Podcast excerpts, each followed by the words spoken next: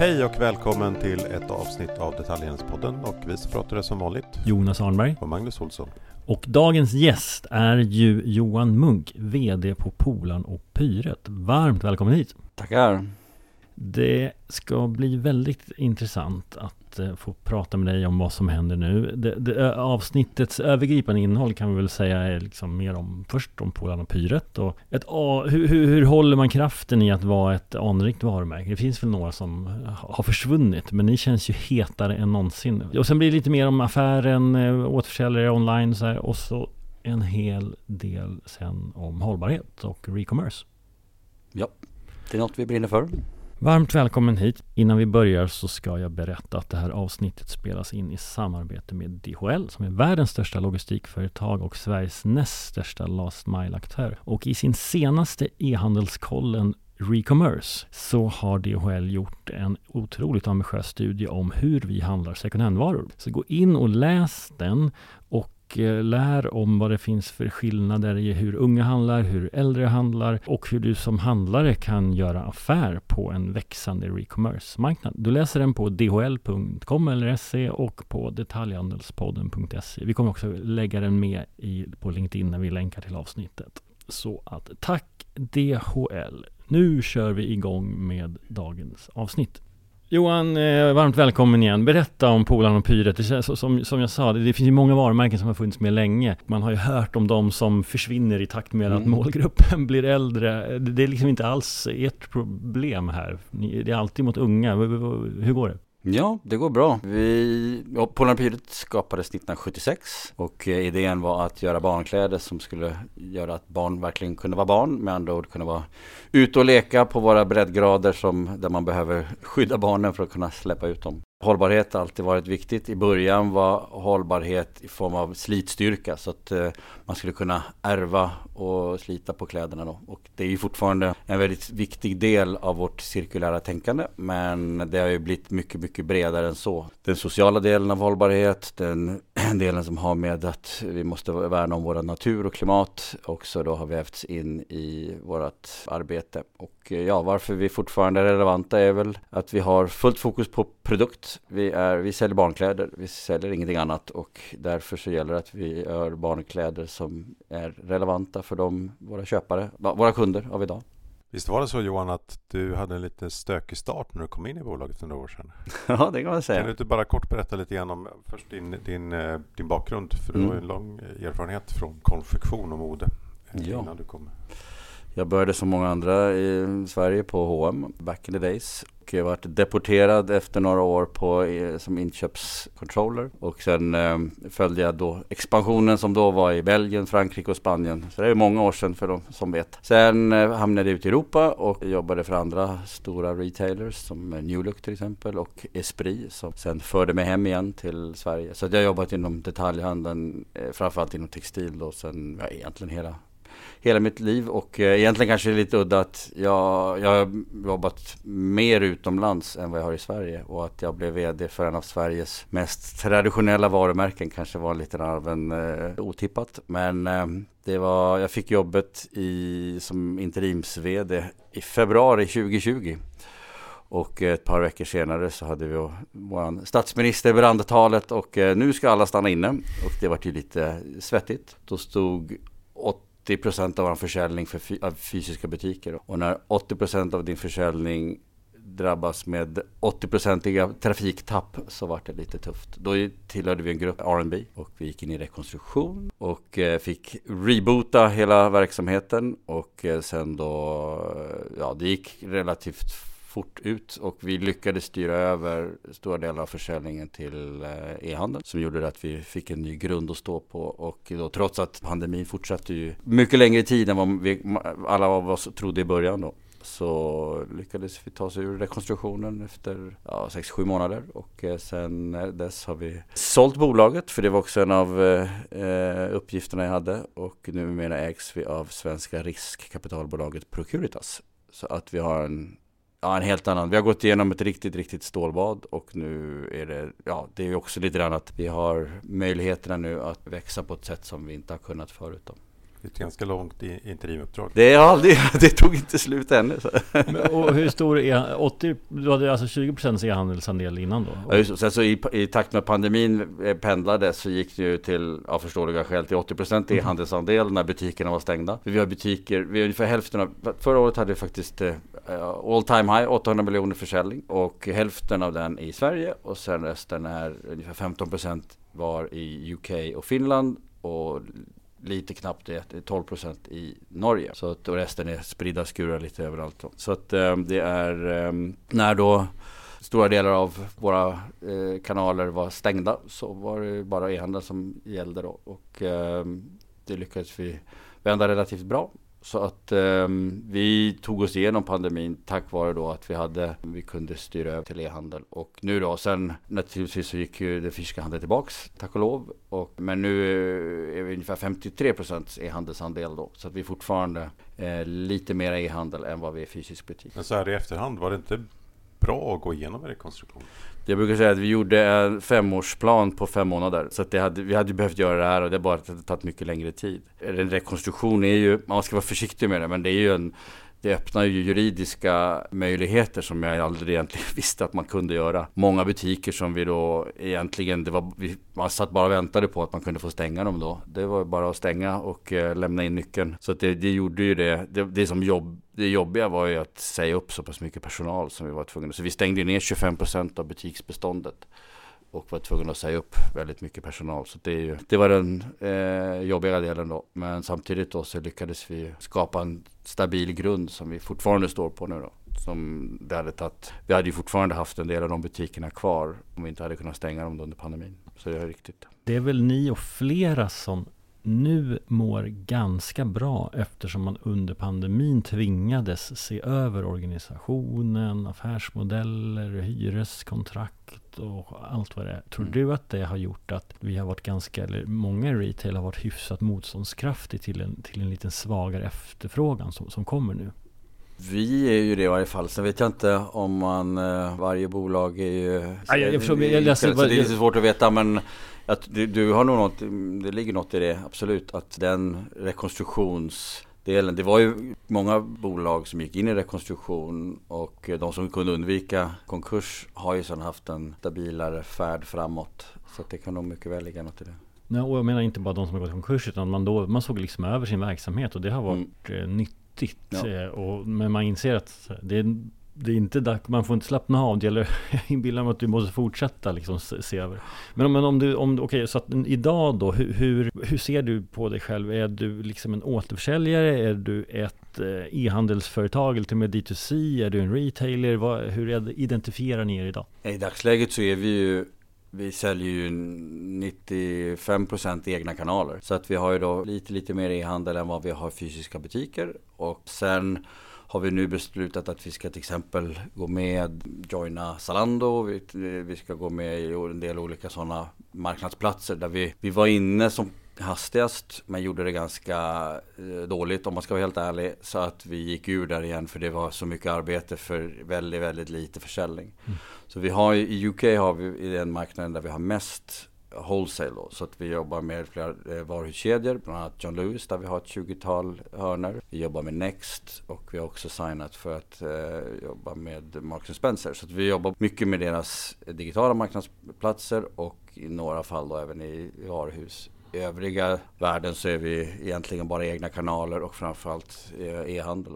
Men då är ni ju framförallt en e-handlare idag? Ja, i alla fall per definition. Ja, vi, majoriteten e-handel. Det är väldigt eh, Alltså, mm. Jag och Magnus i, i podden pratar vi väldigt mycket om butik, e-handel och så. Mm. Det är inte jättemånga som har gått liksom, som verkligen säger att man har gått hela vägen. Utan mm. man pratar om här, alltså det är väl mm. jätterelevant fortfarande. Jo, vi är det så också att ni har väldigt god nytta av era butiker i e-handel? Ja, det märker vi ju att vi, där vi säljer ju mer där vi finns i båda kanalerna så att säga. Jag brukar ofta ta ett, eh, på eh, vår dotcom-sida så samlar vi upp alla marknader där vi inte har egna sajter på egna språk. Då. Bland annat Estland. Estland är den största marknaden för Polarn och Pyret på dotcom-sajten. Varför det? För de åker båt hit? Det skulle man kunna tro. Nej, vi har, vi har två butiker i Eskilstuna. Ja, förlåt, du hör, det var det ja, jag fick för att du inte är, Det är den, det, vi, det visar på något den omnikanalstänket. Att när vi finns både on och offline så det driver försäljning till, så att de fysiska butikerna driver till e-handeln och e-handeln driver till fysisk butik. Halo-effekten in action. Indeed. Jo men det som det är ju, vi hade Jessica Mattsson från e-equity här i förra veckans avsnitt och eh, hon poängterar ju hur e-handeln blir mycket mer jobba med varumärkesbyggande. Det är, ju, det är ju en värld som har drivits väldigt mycket av olika performance marketing och så. Men alltså, så att det, det rimmar ju väldigt väl med det. Mm. Och idag har ni typ 30 butiker i Sverige. Hur många har ni totalt? Vi har 90-tal. Det är framförallt Sverige, och i Finland där vi också har många butiker. Vi har eh, i Norge och sen så har vi då i UK. Vi har två egna butiker och så har vi ganska många shop-in-shop då, hörner i eh, John, med John Lewis.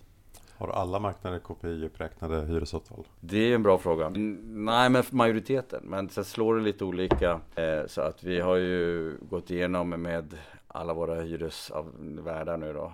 Där eh, KPI slår i taket. Förra året så var det tvåsiffrig hyreshöjning. I år blir det väl något mindre i procentsats men det blir ändå procent på procent. Så att vi tycker inte att det här är en hållbar hyresutveckling för vi har inte alls den lönsamhetsutvecklingen så som vi ser hyrorna. Så att vi har faktiskt jättebra dialoger med alla, vi har egentligen sagt upp alla våra hyresavtal för omförhandling. Det finns ju några andra i vår bransch som har gjort likadant. Så att vi gör ju som jag tror att de flesta sunda retailers för tillfället måste ju då ha en dialog med eh, respektive hyresvärd. Och sen blir det ju vad det blir. Vissa lägen så är de jättelyhörda och vi får verkligen bra samarbeten. Och en del är lite mera lomhörda och då får vi väl bara vänta tills eh, avtalet går ut. Och det, och det ni har är ju också att ni är väldigt trovärdiga i att eftersom ni har en affär som fungerar utan butik mm. så, så, så, så, borde jag ju som fastighetsägare ha, ha, respekt för en sån dialog. Ja, jag tror det. Och sen är det inte så, det finns inte så många barnklädeskonkurrenter. Nästan alla kedjor har ju en barnavdelning. Men standalone barnbutiker för kläder är inte så jättemånga. Hur gick det för Kappahls? Newbie? Ja de är jätteduktiga. De har ju också utvecklats i takt med tiden. Har lite annat uttryck än vad vi har då. Men de har ju också en bra verksamhet i UK och i, i alla de länderna där de finns då. Så att, eh, det är en väldigt eh, relevant och bra konkurrent på babysegmentet. Du, du nämnde Zalando. Vi har haft några som berättar om hur man lyckas på Zalando. Och du sa att du går tillbaka nu. Vad, vad är skillnaden? Är det storpack eller vad, liksom, vad är det som är grejen för att lyckas?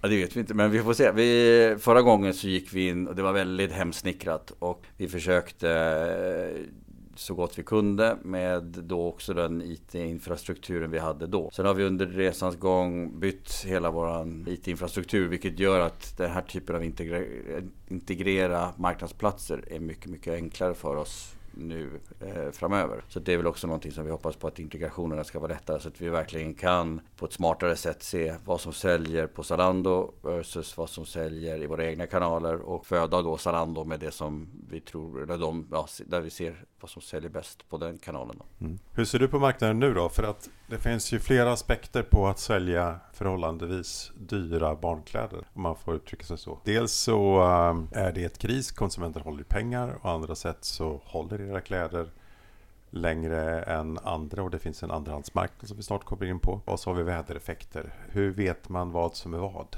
när man sitter i din stol? Oj, bra fråga. Man försöker bena ut det. Vädereffekten är ju extremt påtaglig. Vi säljer ju, mer än hälften av vad vi säljer är ytterkläder.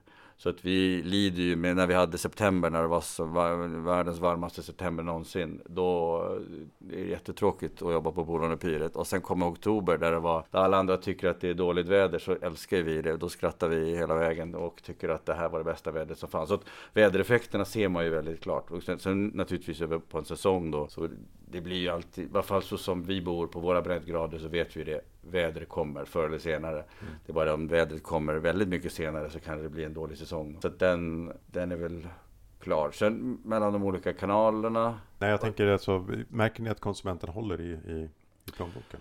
Ja, det gör vi ju till viss mån. Men um, kanske inte så mycket försäljning, men vi ser det framförallt också i utvecklingen av vårt second hand-erbjudande. Vi dubblade vår second hand-försäljning förra året som slutade då, ja vi har ett brutet räkenskapsår som slutar 31 augusti. Så att vi sålde nästan 95 000 pieces av second hand. Och det är då, ja där stod det för ungefär, i slut, slutmånaderna på året så står det för ungefär 5% av butiksförsäljningen. Så att det är vi jätte jättenöjda med och vi har även startat upp det i UK online. UK är nog den mest e-handelsmogna marknaden, inte bara för oss men för de flesta. Och så vi ville testa en e-handelslösning där och det är ungefär samma proportioner som i våra egna butiker. Då. Så det är jättekul och det är väl ett tecken på också då att dels att det, det är mer accepterat tror jag för varje år att köpa second hand och att vi, det är klart, för oss så är det också ett sätt att få ett, ett instegspris som vi inte skulle fått annars. Vi är med premium, vi vi har aldrig försökt och kommer aldrig försöka liksom att slå fast fashion eller lågpris med priset. För det, det, är inte våran grej alls. Men med våran egen second hand så får vi faktiskt ett instegspris där vi prismässigt, visst det är en, en begagnad, bättre begagnad jacka kanske, men den är ändå fasligt nära fast fashion priserna med mycket mera bättre hållbarhet. Så att, eh, är det den vanliga Polankunden som handlar second hand eller är det en, är det en en annan kund också? Förstår jag jag menar? Är det, är det samma personer som även handlar till fullpris? Eller är det... Ja, vi har ju gjort det lite så. För att få, det är eh, någonting som vi ger eh, våra kundklubbsmedlemmar möjligheten att göra. Då. Så de blir ju, de kommer ju in i Polan-familjen så att säga. Då. Så att det är ju, det, till viss mån är det samma kunder. Men vi ser ju inte heller att det är någon kannibaliserande effekt på, hittills i varje fall. Mm. Så att det är ju snarare att, de, att man köper någonting som man kanske hittar. Det är också det här, man hittar någonting i second hand-delen medan man går och köper någonting på när det är då first hand. Men vad är drivkraften bakom att handla då? För att å ena sidan så måste du ha lite pengar med tanke på att ändå, åtminstone om du handlar nytt. Du, eh, det är ju ett fullständigt accepterat present om du kommer med en Polan-paket. Eh, då vet man att man inte är någon snorjobb. Och sen samtidigt så finns det där med hållbarhet och, och kanske lite nostalgi för de som själva har gått omkring i, med, med randiga kläder. Vad, hur, ser, hur ser kunderna ut? Vi delar ju upp det då i, i eh, familjer som har ja, allt ifrån nyfödd baby upp till första åren på grundskolan och de som är presentköpare. Och då kanske där kommer mormor, morfar, farmor och farfar, släkt och vänner och eh, den här då typ eh, man ska skramla för att eh, kollegan har fått en baby och då är ju det randiga kittet någonting som funkar väldigt, väldigt bra. Det ser vi att det funkar väldigt, väldigt bra som present. Så tror jag nog att när man själv, men det är inte så mycket jag vet, att vi ser kanske i vår statistik, men när man säger att man jobbar för Polarn och Pyret så får ju många en väldigt sån, eh, åh det hade jag själv när jag var liten och jag har gått omkring i randiga långkalsonger och det ska jag se till att mina barn gör också för att de är så bra och till och med att eh, jag har ju sparat de här randiga långkalsongerna och nu kan användas även av nästa generation. Och det är ju precis det vi vill. Vi jobbar under mottot tre barn i varje plagg. Så att när vi då skapar ett nytt plagg eller för den delen om vi då ska köpa om de, våra long life produkter så gäller det att vi ser till att de, de ska kunna ärvas av åtminstone, då två, åtminstone tre pers. Så att det är ju det är jättekul. Även långkalsongerna alltså? Även långkalsongerna. Mm. Det, det måste ju vara härligt att ha funnits med så över generationen så att barn som eh, Eh, snart blir ju mormor och morfar liksom har en relation till de här kläderna jag gick själv i. Mm. Vi har ju fått när vi nu tar in second hand så tar vi egentligen in, eh, det kan vara hur gammalt som helst. Så vi har fått in en del legendariska produkter som är väldigt, som har då eh, många år på nacken och som fortfarande är ja, säljbara. Och det är jättekul, bland annat del gamla ränder från 70-80-talet som eh, eh, ränderna går aldrig ur. Och, där, och som vi även då gör vi har haft en del på sociala medier att folk lägger upp då. Då, då har det varit flera saker som, som då har 6, 7, 8 namn i en, en nacklabel. Det var faktiskt Polon Pyret för ganska många år sedan som skapade ja, tre ränder i nacken som man ska skriva sin, namnet på. Då. Det är väldigt och smart. Där har vi då flera, fått in jättemånga plagg som har 7-8 namn istället. Då. Det är det bästa tecknet vi kan ha på att det är hållbart på riktigt. Du berättar mer om affären i Recommerce, för du mm. säger att det är ett bra insteg, det förstår jag. Men, men hur ser er affär ut? För om jag mm. lämnar in ett plagg till dig, då har mm. du någon som måste värdera det. Ja. fotar de det också? Det gör vi på online-lösningen i UK då. Då, då, då låter det ju direkt som att du har tappat all lönsamhet. Nej då, inte alls. Utan um, det är två olika ben då. Så det första är våra fysiska butiker som i alla länder där vi, där vi har dem. Och då kan man gå in och lämna bara? Liksom. Då går man in och lämnar dem. Då vår personal har, vet hur det finns en, en värderingstabell så att säga då. Vad det för varugrupp och ungefär hur gammalt det är. Det är framförallt, det är inte så viktigt hur gammalt det är utan hur slitet det är. Och så får de då en, så får de betalt i Polan-pengar. De får en gift voucher som då, eh, och sen har vi en 50 marginal. Vi delar på priset så att säga. Mm. Men det är fint också för man handlar, man får inte cash. Man, får, man köper av dig. Men, och de som kommer till butik, hamnar de plaggen sen på nätet också? Eller kan man bara köpa dem i butik? Än så länge så är det bara i butik. Så att varje butik blir som sitt eget lite ekosystem. Ja, där, de, där man lämnar in och kan köpa då i den butiken. Då. På sikt så ska vi naturligtvis se till att det mesta blir säljbart via nätet. Men vi är inte där ännu och vi vill heller inte flytta runt för mycket. Så det har ju skapat en liten utmaning hittills. Att det finns vissa butiker så kunderna då är mer måna om att lämna in och det som kanske de är mer måna om att, att köpa då. Mm. Så där kommer vi också då i framtiden, vi tittar på en, en självklart en e-handelslösning för Norden också vi vill väl gärna att den ska bli ungefär som i UK. Det som är bra där är att du kan köpa både nya plagg och second hand från samma för att vi har det ihop med våran 3PL eh, lagerlösning i, i UK då. Men eh, när, tror, när kan jag handla ett eh, använt Poran-plagg i Sverige? Online? Online, vi jobbar på det och hoppas att eh, inom en inte allt för lång framtid ha en liknande lösning i Sverige då. Som, vi har ett centrallager som servar hela Norden och och eh, som byggs upp på samma sätt som det vi har i, i, i England. Där, vi då, där kunden skickar in sitt använda Polan-plagg till vårt centrallager som då är utrustat dels med en så kallad ozonkammare för att ta bort eventuella dofter. Vi ber alltid på kunderna, vare sig det är online eller i fysisk butik, att ha tvättat plagget innan. Men ibland behöver man kanske ändå ha lite handpåläggning, lite sömnadskunskap och då se till att plagget är riktigt säljbart då. Och sen tar vi tar de kort och lägger upp det då. Så att sen kan då kunden köpa både det begagnade plagget eller ett nytt plagg då. Men det funkar bara i UK för tillfället. Så det var lite så planen var. Vi började testa där. Det har funkat jättebra så nu ska vi försöka ta hit det då till moderskeppet.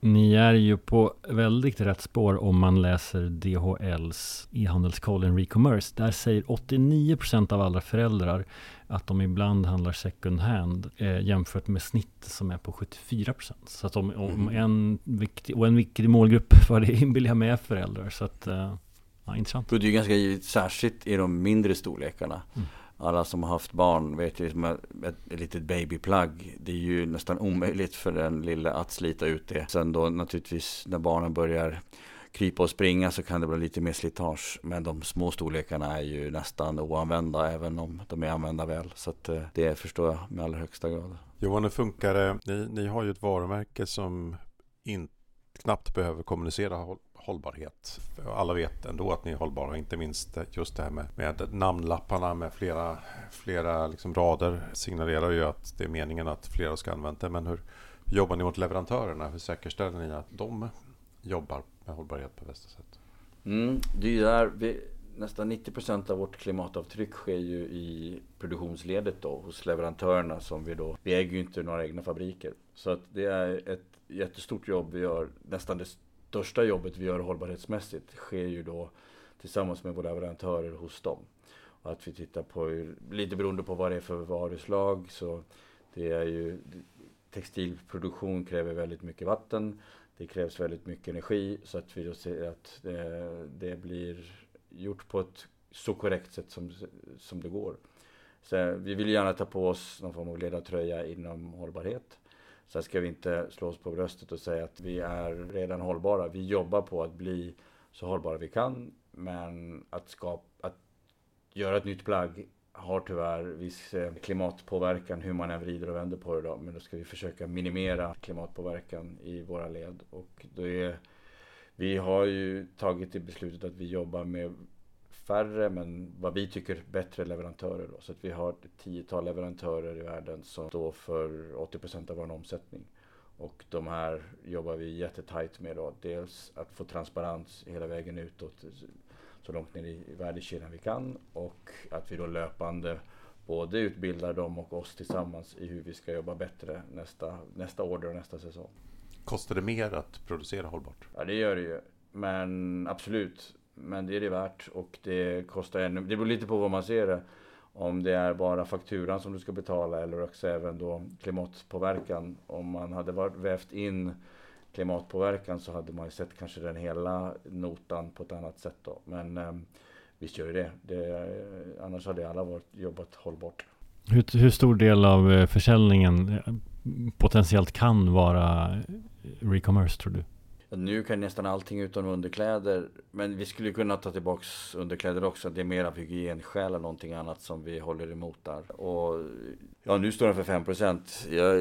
vi hade inför det budgetåret så trodde vi kanske om vi gjorde bra ifrån oss så skulle vi göra 2 procent. Nu med det makroekonomiska läget och annat så har vi fått skjuts på, på vår second hand-försäljning. Så vi, vi var ju tveksamma till om vi skulle klara 5 procent. Men eh, 10% inom en ganska snar framtid skulle jag säga är inte en utopi. Och sen får vi väl se om vi skulle kunna nå Ja, sen blir nästa steg 20% en tredjedel. Och, men jag tror att det kommer i, om några år så kommer det stå för en väldigt stor del av vår försäljning. Hur tror du att eh, Ser du dina produkter på andra plattformar som mm. alltså Tradera, Plick, Vinter? Det finns ju massa ställen att eh, sälja kläder på och där kanske då kunden får cash eller ett större utbud av andra saker. Ser du det? Ja, vi är ju bland annat på de klassiska plattformarna, Blocket och Tradera. Tradera vet vi, de har vi samarbete med där.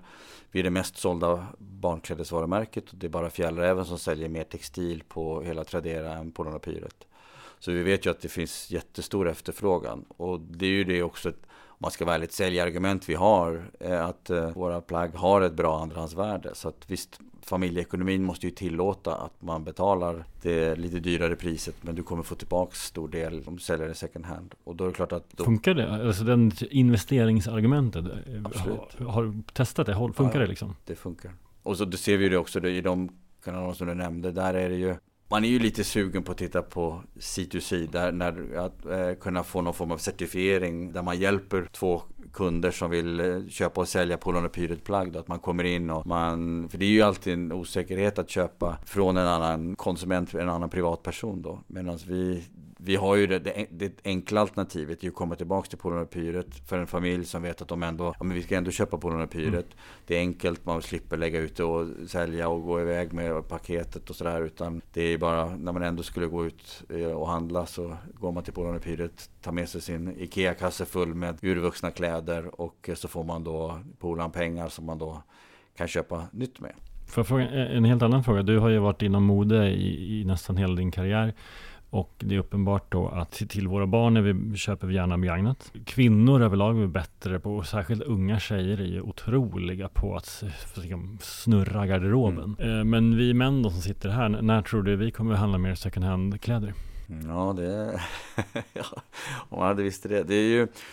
Det kanske också är lite grann utbudet. Det finns ju många väldigt bra, jag tänker på Arkivet till exempel som är en fantastisk affär och många sådana som då riktar sig mot kvinnor framförallt. Och det kanske krävs några mera manliga arkivlösningar. Så att, eh, jag tror nog i takt med tiden att det blir mer och mer accepterat mm. i samhället. Så att kvinnorna är väl lite, kanske lite mera, om man ska dra alla över en kam, early adopters, så kommer vi killar efteråt då. Men när man ser att det här var ju riktigt snyggt eh, och det var, råkar vara second hand så kanske även killen vågar sig in i en second hand butik då. Men um, det är oklart.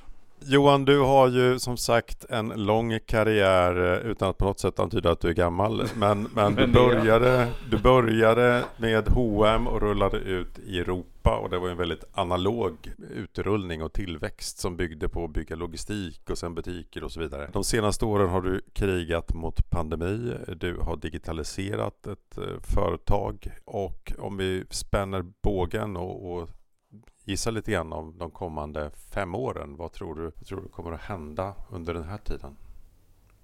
vi har framför oss? Mm, det vi lever i en spännande tidevarv. Fem år är ju samtidigt extremt lång tid och bara runt hörnet. Delar av det som vi har pratat om idag som har med hållbarhet. Jag tror att den hållbara konsumtionen kommer att ha fått ett skjuts på fem år.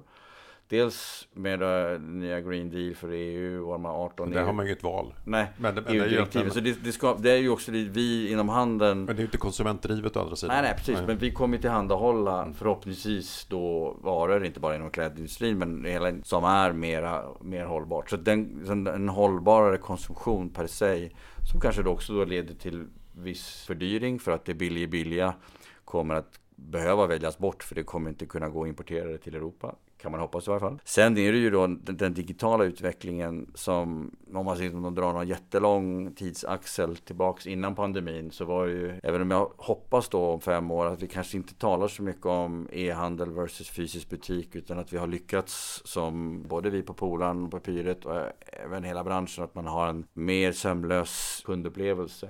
Men om man ska titta ändå så som vi har idag så tror jag kanske att den digitala utvecklingen, även om den har liksom gått upp och ner lite grann innan och efter pandemin, så tror jag nog att den digitala handeln kommer att öka successivt. Då naturligtvis på, till, på bekostnad av det fysiska då. Men att den fysiska handeln kommer ju kunna fortsättningsvis ge någonting som inte den digitala handeln kommer göra. Det bör, man får fokusera ännu mer då på ett upplevelser och då kommer ju då vi kunna använda tekniken som idag kanske är lite i sin linda. Men ja, AI är väl inte egentligen i sin linda. Men att man kommer kunna utnyttja den på ett ännu smartare sätt. För att då öka dels effektiviteten i varje hos handlaren. Men även då eh, öka kundupplevelsen. Och sen även då augmented reality och den delen att eh, man faktiskt ger kunden en anledning till att gå ut i fysisk butik. Men att man kanske tar lite teknik till hjälp för att eh, göra den här kundresan ännu mera förvisso digital men kanske lite roligare. De eventuella nya butiker ni öppnar, kommer det vara mer som eh, när Lyko öppnar butik häromdagen och det liksom är något helt annat och stå hej liksom? Ser du någon skillnad i de butiker du bygger framåt jämfört med de du har? Jo, vi försöker ju hela tiden uppdatera vårt koncept. Så att, och där är ju, det blir ju mer och mer digitalt i, men även då de befintliga butikerna behöver vi, vi har en rätt bra omni-tänk. Men eh, vi, ja, absolut, vi måste bli ännu mycket bättre. Och det tror jag att om fem år så har vi tagit många kliv. Så att det är kanske till och med lite roligare att gå till en Polan-butik än vad det är idag. Hm. Är det något särskilt som du måste lyckas lyckas med för att nå den här visionen du har till om fem år? Ja, det är att vi har konstant fokus på våra produkter. Som jag sa förut, vi säljer barnkläder. Och oberoende av teknik eller kanal så gäller det att vi levererar barnkläder i, i relation till vad våra kunder förväntar sig av oss. Så att det kommer vara både då nya kläder som ska vara relevanta för barnen och även då ett second hand-erbjudande. Hur, de kommer väl vara randiga då också? Vad, vad är det du ska utveckla? Nej men det kommer vara andra länder och det kommer ju naturligtvis också Som sagt vi säljer Vi blir ju mer och mer av ett outdoor-företag Vi säljer ju över hälften av vi säljer är ytterkläder. Och det är ju också det är mer tekniskt, mer tekniskt plagg. Vi tog bort galonet för förra året för att det vi hittar inga sätt att göra dem hållbara och då har vi jobbat mycket med skalplagg och med, med vattenpelare och hur vi fortfarande ska ha ett plagg som gör att barnet kan vara torrt och glatt och leka ute i regnet. Och den typen av produktutveckling är jätte, jätteviktig för oss. Johan Munk, VD på Polan och Pyret. Tack så jättemycket att du var med i Detaljhandelspodden. Och tack till alla er som lyssnade. Och ni som vill läsa mer om Recommerce, läs e-handelskollen från DHL. En otroligt eh, grym rapport. Gå in på dhl.se och ladda ner den genast. Stort tack för idag! Tack och hej! Hej då!